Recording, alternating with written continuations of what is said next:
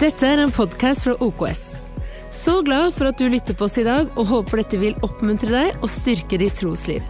Nyt budskapet sammen med oss.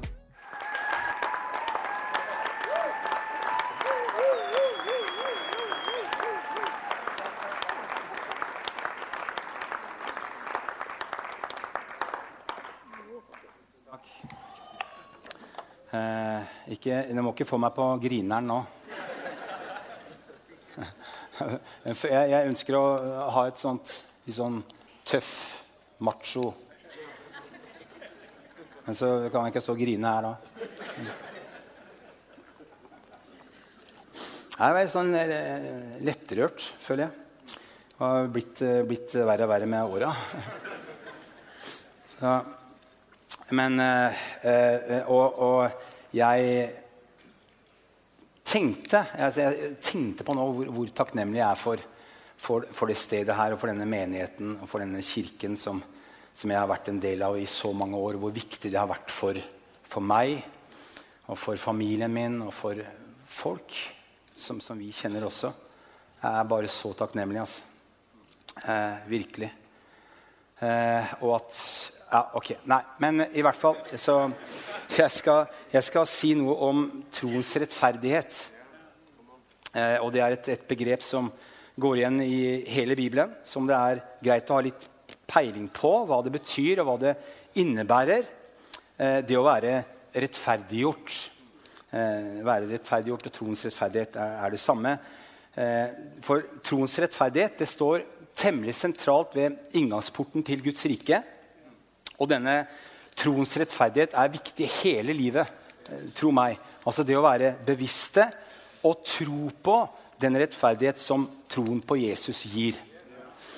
Eh, og hvis man bruker da disse begrepene i Bibelen og, og sier til eh, noen, Det kommer an, an, i hvilken sammenheng man er, men hvis man sier til noen unge mennesker i en eller annen sammenheng at du er rettferdiggjort i Kristus Jesus, så hæ? hva i all verden betyr det? Så hva, hva, innebærer det å være rettferdiggjort? da? Hva er det det innebærer? Og jeg har en liten sånn Ikke, ikke ramsmor, men er, som, som jeg, jeg, bruker dette her i min hverdag da, for å bevisstgjøre meg på at jeg er rettferdiggjort.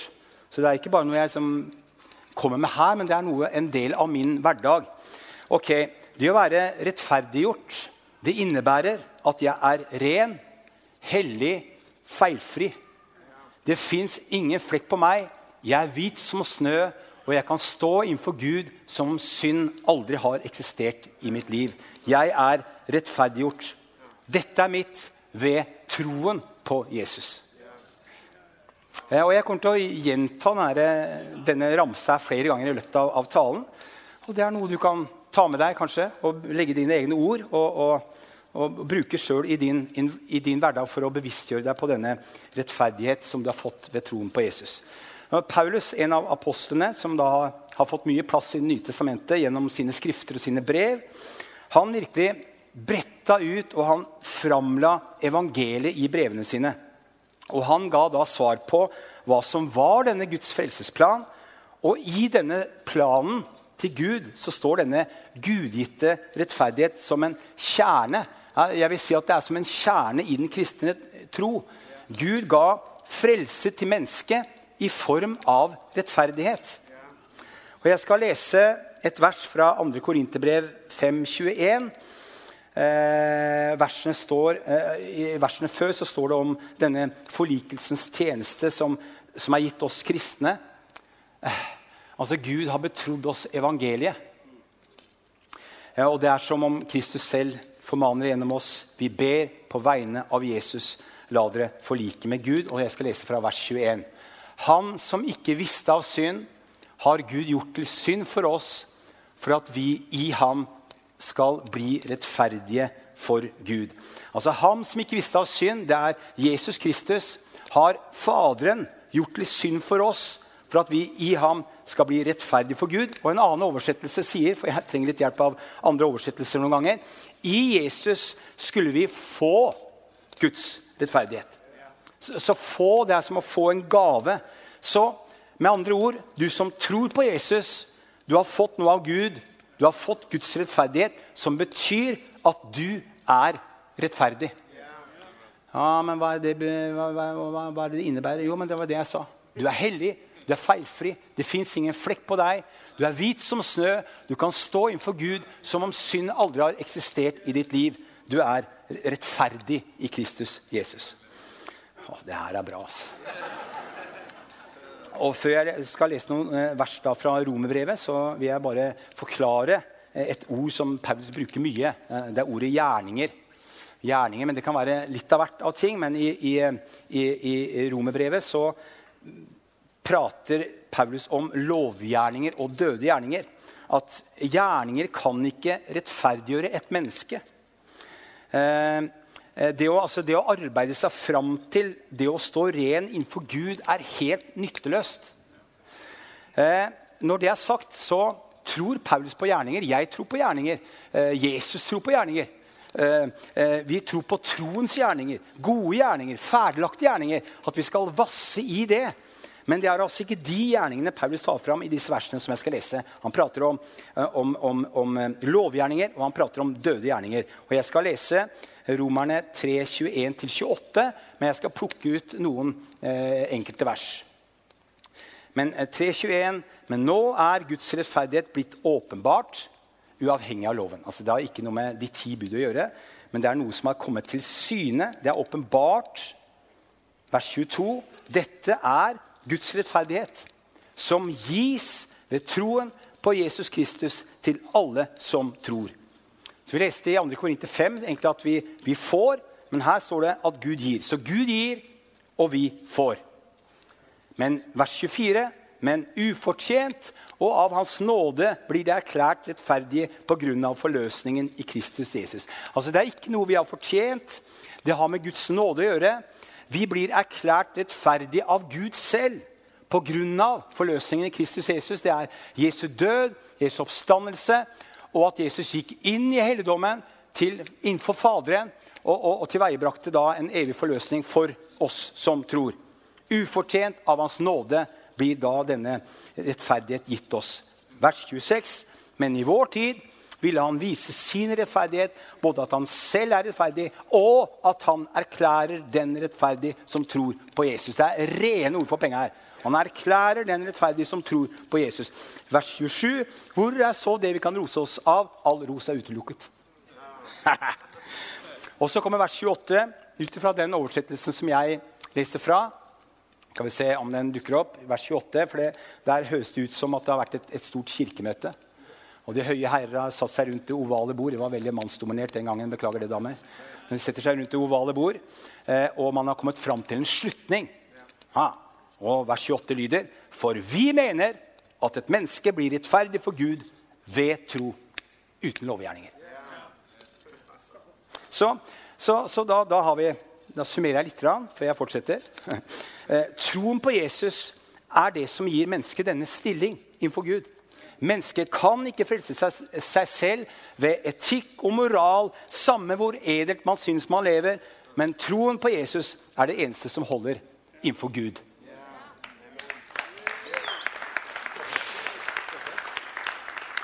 Ringen, ja. Ok, Skal jeg låne den der? Øreringen. Den klikker. Ok, det går greit. Jeg tar denne her for øreringen min.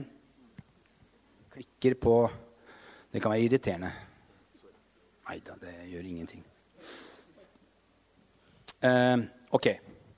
Så, så, dette jeg prøver å formidle her, da, det er slått fast i Skriftene ikke bare i Det nye testamentet, men vi finner også denne tanke og denne sannhet i Det gamle testamentet. Og Så fortsetter Paulus da i Romerne 4. Så tar Paulus fram Abraham fra Israels gamle historie. Eh, Abraham det er Israels stamfar. altså Ut ifra ham ble dette folket til. Men han er også, denne Abraham er også vår åndelige, eller han er vår åndelige stamfar i Guds øyne, vi som tror. Og så fortsetter da Paulus i kapittel 4 og Paulus driver og baler med akkurat de samme greiene. Dette med gjerninger og dette med rettferdighet. Og Vi skal lese fra vers 2. Romerne 4, 2. Dersom Abraham ble rettferdiggjort pga. gjerninger nå er vi, vi er på det her ennå, Da har han jo noe å rose seg av, men det har han ikke for Gud. Jeg pleier alltid å lese den rytten der, men det har han ikke for Gud. Han er, har noe å rose seg av, men det har han ikke for Gud. Det er ikke noe. Går ikke an å rose seg innenfor ham. For hva sier Skriften? Hva er det som står skrevet? Det, det er ikke 'hva tenker du', 'hva føler du'? Jeg er ute etter hva du tenker og føler. Men her hva sier Skriften? Abraham trodde Gud, og det ble tilregnet ham som rettferdighet. Mm. Den som har gjerninger, får ikke lønnen av nåde, men som noe han har fortjent. Og Det er jo så sant. Og, og når, det, når, det, kommer da til Gud og mennesket, så er mennesket veldig sånn Vi skal fortjene så mye, men vi fortjener ingenting. Vers 5.: Den derimot som ikke har gjerninger, men tror på ham som rettferdiggjør den ugudelige, han får sin tro tilregnet som rettferdighet. Og Hvis jeg skal eh, kommentere dette vers 5 og prøve å være da, eh, dette mennesket som ikke har noen gjerninger, så ville det lyde noe sånn som dette her. Jeg har ikke noe å vise til. Jeg har ingenting å skryte av, men jeg tror på deg, Jesus. Og det tilregnes da som rettferdighet. Jeg elsker Guds ord. Jeg er godt oppdratt her. Elsker Guds ord. Jeg, og jeg, jeg, jeg, gjør det. Altså, jeg elsker Guds ord. Og det å stå i en kirke og sitere Guds ord, sitere det som står skrevet For det er, det, er det ordet det er det som er virkekraftig. Eh, jeg elsker det, men samtidig kan Guds ord noen ganger provosere meg. Og noen ganger så kan Guds ord utfordre meg. Tenk dere på enkefru Hansen, som gir nesten alle, hele sin pensjon til veldedighet. Som, som er snill og god og driver på i nabolaget. Og, og, og bruke massevis av tid på, på å mulig kanskje tekkes Gud og bli bra nok. Og så kommer det plutselig en slabbedask og sier at 'jeg har ingenting å vise til'. Jeg har ingenting å skryte av, men jeg tror på deg, Jesus. Ja, der tilregnes ham rettferdighet. Og det er litt sånn, Da kan liksom Bibelen noen ganger litt, litt provosere. da. Og Jeg var på en sånn eh, en bibeltime med en bibellæring. Altså han, han, rørte ved dette med, med troens rettferdighet, denne gudgitte rettferdighet. Og, og jeg merka at han ble litt sånn irritert. Han ble irritert, liksom. For det er sånne slabbedasker som meg, som ikke har noe å vise til, som kan komme og si 'Jeg har ikke noe å vise til, men jeg tror på deg, Herre.' Og der gis Guds rettferdighet til meg. og vi skal lese om en annen slabbedask i Bibelen. Romerne 4, 6-8. Vi skal lese litt om David. Så vers 6. Slik priser også David det mennesket salig som Gud tilregner rettferdighet uten gjerninger. Det er jo repeat. Han driver på med det her. Som tilregner rettferdighet uten gjerninger. Vers 7. Salig er de som har fått sine overtredelser tilgitt og sine synder skjult. Salig er det mann som Herren ikke tilregner synd. Denne saligprisningen er hentet fra Salme 32. Saligprisning det er en sånn eh, høy form for lykke når, når, man opplever Gud i livet sitt. Så det er en salme av David. da. Så, så Paulus tar fram da enda et eksempel fra Israels historie. David, Kong David. Det var han som drepte Goliat. Han var en fantastisk låtskriver eh, en salmist, singer-songwriter. Eh, han var en, en fantastisk hærfører og en, en, veldig god konge for Israel. Men han tas ikke fram av Paulus her som et forbilde på hvordan leve etisk og moralsk riktig, kan man si. Nei, David tas fram her i Romerne 4, for han er et eksempel på at Gud gir nåde. At Gud viser nåde altså, til den som bøyer seg og tar imot denne nåde. Og Det er derfor David kalles en mann etter Guds hjerte. For han visste å bøye seg og ta imot den nåde som Gud ga. Og, og det er jo sånn eh, eh, Med låtskrivere så, så, så, har du sikkert lagt merke til at, at, det kan komme en låt. Og så ja, hva handler den låta om? Og så sier de ja, det var, jeg hadde en tøff tid tilbake for to år siden. Og her kommer låta. Og den låta til David, Salme 32, er sånn. Han har vært igjennom en tøff tid. Eh, og I forkant av at han skriver Salme 32, så misbruker David sin stilling som konge til de grader. Eh, og Vi har hatt en sånn metoo-sak nå som ruller og går. Hvor det er dessverre mannfolka da, som, som har stillinger og posisjoner og, og, og, misbruker sine posisjoner. med å tafse og det som verre er, på, på damer. Eh, David var nok ikke en sånn type, men han var en liten slabbedask allikevel. For han inngår et forhold til en dame som er gift med en annen mann. Eh, og hun het Batseba og var veldig vakker. Så, så David ble helt blenda av hennes skjønnhet. Og mannen til eh, Batseba het Uria. Og han var en soldat i Davids hær, en skikkelig god mann. Eh, og så skjer det en del saker og ting. Men for å dekke over dette som David hadde gjort, da, så sørget David for at denne Uria ble satt på en veldig utsatt posisjon i det militære. Og der ble han drept. Og det var Davids hensikt. Og etter at da Uria var død, så giftet da David seg med hans enke Batseba. Batseba. Og det David hadde gjort, det var ondt i Herrens øyne. Eh, og det er ikke bare i Herrens øyne, det er ondt i mine øyne òg. Det David har gjort, ja, men Hadde David møtt norsk rettsvesen Han hadde fått 21 år. Og hadde David møtt eh, Israels lov Jeg lurer på hvordan det hadde gått. Så Gud sender da en profet til David som heter Nathan. Og denne profeten konfronterer David, David med det han hadde gjort. Og David bare legger seg helt flat.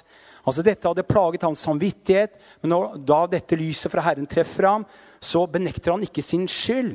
Han forsvarer seg heller ikke. Han bare erkjenner at han er skyldig. Så Salme 32 det er en beskrivelse av hans anger, men også hans synsbekjennelse og den glede han fikk da Gud tilga hans synder. Han skulle egentlig blitt straffet, men han ble tilgitt fordi han erkjente sitt behov for nåde. Og Davids liv det var langt fra den rettferdighetsvandringen som loven krevde. David ble ikke regnet som rettferdig ut fra sine gjerninger, men på tross av dem. Og dette er evangeliet. Dette er de gode nyhetene i Kristus. David erfarte denne gudgitte rettferdighet ved tro, og at synden ikke ble holdt opp mot ham. Det var noen som smakte evangeliet eh, egentlig i forkant. Både David og også Abraham. Men det her eksempelet som tas fram av, av Paulus altså jeg, jeg tenker det, det er drøyt, altså. Det er, det er drøyt. Det, det, jeg skjønner eh, poenget til Paulus, men det er drøyt. Jeg, jeg, mener, jeg, tror ikke dere hadde tatt opp et sånt eksempel på Guds nåde her i menigheten. Så det er, det er drøyt. Og jeg tror at, at vi, vi, vi, hvis du er, liksom kjenner til den historien, og sånt, så det er mulig at man leser litt om, om David og Batseba på taket og strør litt sånn glitter over og hører litt på Leonard Cohens 'Halleluja' og, og liksom ser litt på liksom, og strør litt glitter. Men det er så drøyt, det, eh, det David gjør, og at Gud viser nåde. Vet du hva? I evangeliet er det Gud som rekker sin hånd ut til mennesket. Og viser nåde og gir sin rettferdighet til den som tar imot. Jeg var på en sånn ungdomsfestival for noen år siden. Jeg hadde ansvar for uh, musikken, eller lovsangen. Og jeg skulle også tale på, på, på, på noen av, av møtene. Eh, eh, og det var ikke en sånn superstor festival, men det, det ble kalt festival. Men kanskje et par hundre ungdommer. Eh, og, så jeg hang litt rundt der på festivalområdet, og, og, og da får du en viss sånn eh, Ja Du får en viss sånn oversikt over folka som, som er der. Og, det var en ungdomsleder der på den festivalen som var Han hadde ting på stell i livet, tror jeg. Det var et eller annet med han, det var ikke mye, altså Sveisen hans lå helt likt hver dag på morgenen også når han sto opp den sveisen lå het. Han hadde ikke morgentryne engang. Og hvis du så bilen hans, den var polert og blankt. Og hvis du så inn i førerhuset der, så det var ikke noen ispinner som lå på gulvet der. Men han han var et, et, fantastisk forbilde for, for, de unge. Og så var det en annen, en jente på en sånn 14-15 år som eh, jeg, vil, jeg, vil, si eh, en, en uslipt diamant. Mm. Eh, og eh, mye føss rundt denne jenta her løs kanon på dekk, på en måte. Eh, men hun var troende. Og det er klart, Hvis du var foreldre og hadde en sønn på 14-15 år, på, på, den leiren der, så ville man uh, kunne vært bekymra. Hun, hun, var skikkelig gæren. Absolutt. Men en uslipt diamant. Og Så skulle jeg da tale på uh, late night. Det, var, det, skulle alltid være så utrolig seint, disse møtene. Så jeg var jo trøtt lenge før møtet begynte. ikke sant? Late night. Men i hvert fall kaffe. Stå på med kaffen og, og, og sånn. Eh, og så tenkte jeg at jeg, jeg, skulle, jeg, skal ta opp dette her med troens rettferdighet på en litt annen måte enn en her. Men også tenkte jeg at jeg skulle eh, kjøre litt sånn illustrert eh, preken. Eh, så jeg spurte den ungdomslederen da, om, om, om, han, om, jeg kunne bruke han, om han kunne komme opp på, på scenen. Og, og, og, og, jeg skulle stille et spørsmål. Ja, han var helt med på det. Og så tok jeg tak i denne upolerte diamanten. Og så spurte jeg om, om, om vil du eh, bli med opp på scenen eh, og, og, og, jeg kan stille deg spørsmål. Ja, ja, hun, hun ville veldig det. liksom. Så jeg taler da om troens rettferdighet.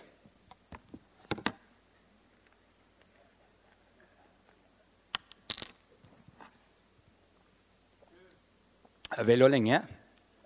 Og så på slutten av talen så tar jeg fram denne ungdomslederen. Og Han kommer opp og så sier jeg, 'Tror du på Jesus og det Jesus har gjort for deg?' Og han svarer helt korrekt ja. Med riktig toneleie og alt mulig. Ja. Helt, helt. Alt er korrekt. Ja. Ha, på grunn av at du tror på Jesus, så erklærer Gud deg som rettferdig. Og det innebærer at du er ren, at du er feilfri. Det fins ingen flekk på deg. Du er hvit som snø. Du kan stå innenfor Gud som om synd aldri har eksistert i ditt liv. Og alle ungdommene nikket anerkjennende til akkurat det. Yes, Det, det forsto de. Ingen flekk på han. Det, var, det forsto de. Og så, når han hadde gått ned, så tok jeg opp denne upolerte diamanten. Og da, Jeg vet ikke om det gikk et sånt lite sukk gjennom eh, Alle visste hvem hun var. Eh, og, eh, eh, eh og, de tenkte kanskje nå, nå blir det litt refs her. Nå, nå. Men hun kom opp, og så, og så spør jeg henne det samme spørsmålet. Tror du på Jesus Kristus og det han har gjort for deg? Og hun svarer på en måte, sånn som jeg leser det, med liksom tonefall måten hun svarer på. Eh, det ja er sånn Ja, og jeg trenger ham. Og så, på grunn av at du tror, sier jeg til denne jenta, så er du ren. Du er feilfri. Det fins ingen flekk på deg. Du er hvit som snø. Du er vakker framfor Gud. Du kan stå innenfor Gud som om synd aldri har eksistert i ditt liv. Dette er ditt fordi du tror på Jesus. Og plutselig, fra å være noe som jeg skulle illustrere noe, så bare ble det noe veldig kraftig å tale de ordene over den jenta der. Bare, så, bare så sterkt, så kraftig. Å tale sannheter over mennesker. På vegne av Herren selv. Og hun gikk ned fra scenen. Ungdommene nikket ikke anerkjennende, men jeg tror de forsto poenget. Det tror jeg. Og når hun hopper ned fra scenen, så mumler jeg inni meg sånn utenfor mikrofonen. Jeg mumla for henne akkurat som en bønn. Lev det du er. Lev det du er. For det, det, livet vi har fått, denne rettferdighet fra Gud med en hellig ånd på innsiden, det er et enormt potensial. Og det handler om en, en, vekst, det handler om frukter som kommer til å prege livet og livsstilen vår. At vi er i forskjellig grad preget av at vi er bærere av Guds hellige ånd. Og jeg, jeg, hadde en sånn morgenbønn her eh, for noen uker siden, og jeg ba litt og var sånn Ja, en, en innenfor Herren. Og, og så sier jeg til Herren det var et eller annet som jeg sier, men Herre, jeg, jeg er jeg er ufullkommen i livet, men jeg er rettferdiggjort ved tro. Og sånn kan man føle seg noen ganger. Eh, men detter du, faller du, vær så snill, reis deg opp igjen. Bør støvet av dine føtter og gå videre oppreist. Ikke, med, ikke se ned, se opp. For Gud er nådig og full av barmhjertighet. Det å etablere ordet om rettferdighet, lande på denne sannhet og skjønne at det er ditt. Men etablere det i livet ditt. Jeg ser på det som viktig. Jeg var på en sånn eh, en, eh, en, eh, Ja, det er noen minutter igjen, ja. Jeg var på en, en kveldsbibelskole. En ærverdig gammel pinsemenighet som hadde en kveldsbibelskole for noen år siden. Jeg føler at jeg, Det er noen gamle historier her. Da. Men jeg har noen nyere. Men ok, den er jo ja, men jeg tar den. Eh, en, en ærverdig gammel pinsemenighet, kveldsbibelskole. Jeg kommer inn, og jeg skjønner at jeg er absolutt den yngste. For her, her er jeg absolutt den yngste, og jeg blir sett på som en ungdom. egentlig, Og jeg er eh, i hvert fall over 50. Eh, så, men gjennomsnittsalderen er en sånn 70-80 år, et eller annet sånt. Og jeg tenker oi, tenk deg å, å, å forkynne overfor mennesker som har vært kristne lenger enn jeg har levd. De fleste av dem. Men jeg, jeg, i hvert fall jeg, jeg kjører på, og siste time har jeg om troens rettferdighet. Den gudgitte rettferdighet. Og jeg bruker god tid, og jeg refererer til enda flere skriftsteder enn, enn hva jeg har gjort her. Virkelig bare leser og leser og, og proklamerer dette her. Eh, og så er timen, timen er ferdig, og jeg går og henter meg en kaffekopp og spiser litt Sætre-kjeks. Og, og prater, eh, prater, da med, med, med, med folka. Og, det er, og da er liksom tonen litt sånn eh, Tonen er litt mer sånn derre Ja, det er fint med en sånn påminnelse, KP. Det er fint at ungdommen fortsatt holder gående. Liksom. Det det er litt sånn, da. Det er litt tone. Og jeg går ut, setter meg i bilen, fire kuldegrader, litt sånn snøfjoner i lufta. Eh, og ca. halvannen time å kjøre bil hjem. Og så tenker jeg glemt i morgen. Tenker. Men det er jo ikke glemt i morgen siden jeg forteller om det nå. For det er bare noen dager etterpå så ringer pastoren i den menigheten meg. Og det er ikke alltid pastorene ringer med, med et godt budskap. men, eh, men, i hvert fall så, så, fortalte, så fortalte, pastoren om, om, at det var en, en, en, en, god søster i menigheten som, som, var over 80 år, som hadde sittet på, på, på, på den gudstjenesten, eller nei, gudstjenesten, på, på kveldsskolen. Eh, og hun hadde hørt, og hun gikk, satte seg i bilen, startet. Det er ikke ille, å, det er bra å kjøre bil når du er over 80 år. Og hun, bilen gikk på tomgang. Hun bare satt i bilen og bare gråt. Og det var tårer av sorg, men det var også tårer av glede. Disse de, tårene som representerte det at hun var lei seg. Hun, altså hun gråt over at hun ikke hadde visst dette før. Dette med den gudgitte rettferdighet. Hun ble frelst i sin ungdom. Eh, og I enkelte perioder av livet så hadde hun vært veldig usikker på sin frelse. Eh, og Pinsevennene tror jeg ofte bruker ordet frelsesvisshet. Altså det å ikke være sikker på sin frelse. Og nå da, når det nærmer seg slutten på livet, hun hadde skral helse, så tenkte hun Holder livet mitt? Holder det i møte med den hellige Gud? Men tårer av glede rant nedover hennes kinn idet hun sa om livet mitt ikke holder i møte med deg, Gud, så holder det Jesus har gjort. Jeg er rettferdiggjort. Og vet du hva? Hun satt i bilen der, og så kjente hun på fred, hun kjente på trygghet. Og som en god pinsevenn ville sagt, hun fikk frelsesvisshet. Og det er ikke bare en sånn liten gjeng på Kjeller og et lite knippe mennesker i Algerie og en veldig spesiell bibelskole i Nord-Norge som tror på dette jeg forkynner nå. For det, det jeg formidler, det er en stor bauta av en sannhet i Bibelen. Det tilhører det jeg kaller de grunnleggende sannheter. Og dette er noe du kan virkelig bygge livet ditt på. Så la oss stole på at Gud elsker oss på tross av våre tilkortkommenheter.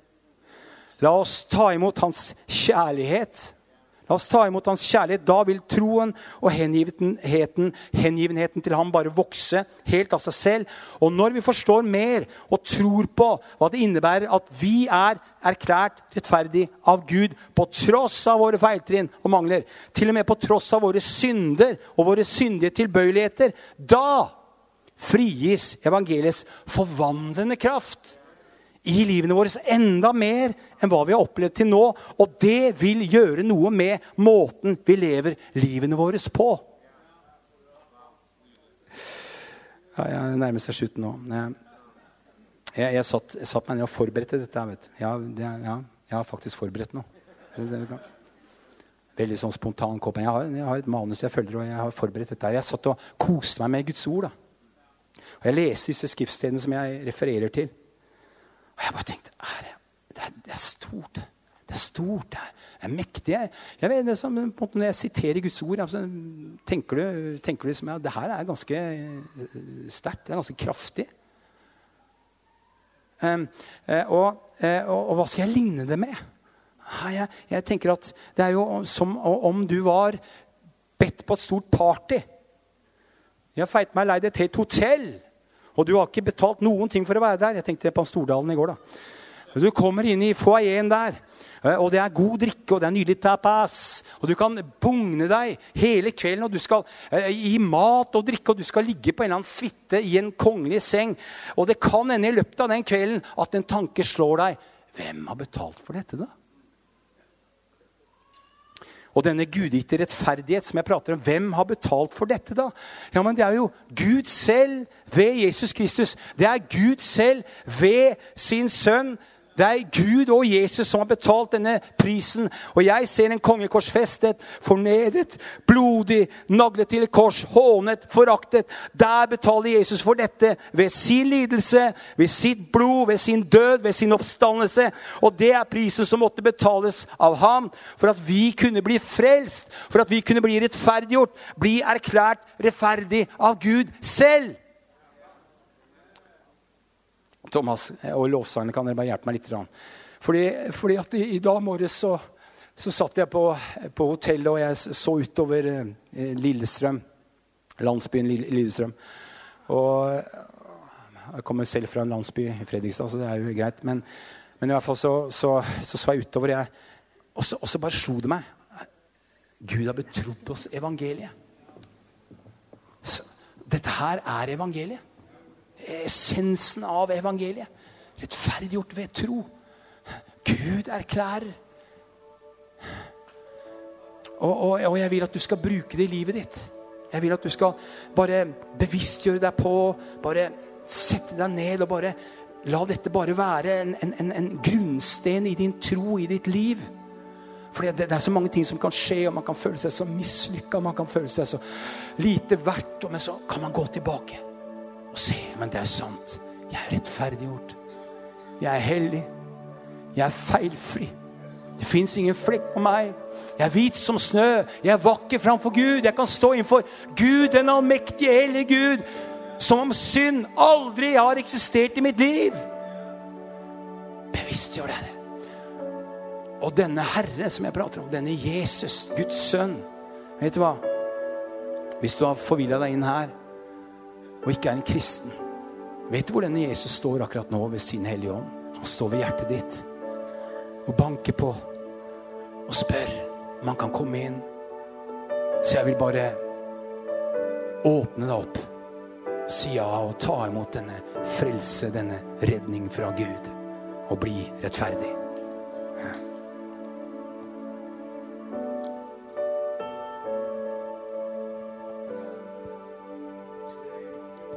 Lukke øynene over hele salen, alle sammen. Kan bare lukke øynene et øyeblikk. Vi skal takke og hedre Kåpe her etterpå. Denne rettferdigheten som Tenk akkurat det som Kåpe sa. Liksom, hvis responsen er ja, det var fint med en påminnelse, så er det liksom Nei, det er mer enn en påminnelse. Hvor hadde jeg vært uten dette? Dette er min redning. Dette er bokstavelig talt min frelse.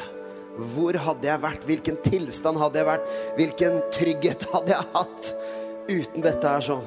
Så det er mer enn bare en fin påminnelse om noe. Dette her er fundamentet du står på. Og hvis ikke det fins en atmosfære av lettelse, en atmosfære av å takke og pris at jeg fant den rettferdigheten Hvis ikke den liksom følelsen er der, så er det helt sikkert at det er mer for deg å oppdage hva den rettferdigheten er. Men nå appellerer jeg, mens alle øyne lukka over hele salen, så appellerer jeg til deg som ikke vet om du har den rettferdigheten. Det kan være at du aldri har vært en kristen. Det kan være at du har hatt en barnetro, ungdomstro, kanskje noe du distanserte deg fra. Hvem veit? Kanskje fordi du var usikker. Og kanskje fordi noen skapte usikkerhet omkring om du, hvorvidt du var bra nok framfor Gud. Nå har du fått høre det klokkeklart. At det er ingen synd du har gjort som kan skremme Gud bort. Men det er heller ingen god gjerning du kan gjøre som kan imponere Gud ned. Du kan ikke være så snill at Gud sier 'wow, jeg skal gi deg rettferdighet'. Og du kan heller ikke være så slem at Gud sier 'wow, du får ikke rettferdighet'. Vi kan kun komme som vi er, ta imot av nåde det han har å gi. Så mens alle øyne lukka, hvis du er her og sier 'jeg vil ta imot Jesus', enten for første gang i livet eller kommer tilbake igjen, få ta imot den rettferdigheten, vite at du er Guds barn, vite at du er på vei til himmelen, vite at du kan stå framfor Gud med den frimodigheten og vite at du er hans barn, elska og tilgitt. Hvis du ønsker å gi en respons, hvis du ønsker å ta imot den rettferdigheten, ta imot Jesus, så skal jeg straks, om et bitte lite øyeblikk, om 20 sekunder, skal jeg spørre om du kan løfte armen din der hvor du sitter. Da skal jeg ikke ta deg fram, skal ikke eksponere deg, men jeg skal be for deg her oppe fra. Og så har jeg et par medhjelpere som også er med meg og ser. Så da skal jeg spørre Hvis du er en av de som sier, 'Thomas, jeg vil du skal be for meg'. Jeg vil ta imot Jesus, jeg vil ta imot den troen, ta imot den rettferdigheten. Og du kan komme med dine tvil og undringer og spørsmål. Dette er av nåde som du tar imot. Så da spør jeg, hvis du er en av de, kan du løfte armen akkurat nå, så skal jeg ta deg med i min bønn. Løft armen der hvor du sitter, så tar jeg deg med i min bønn i Jesu navn. I Jesu navn. Takk for at du tok deg tid til å lytte på en av våre podcaster fra OKS. Vår visjon er å bringe Jesus til mennesker i vår verden, og mennesker i vår verden til Jesus. Følg oss ellers på vår YouTube-kanal og sosiale medier. Du er velkommen til å besøke en av våre kirker. For mer informasjon, sjekk ut oks.no.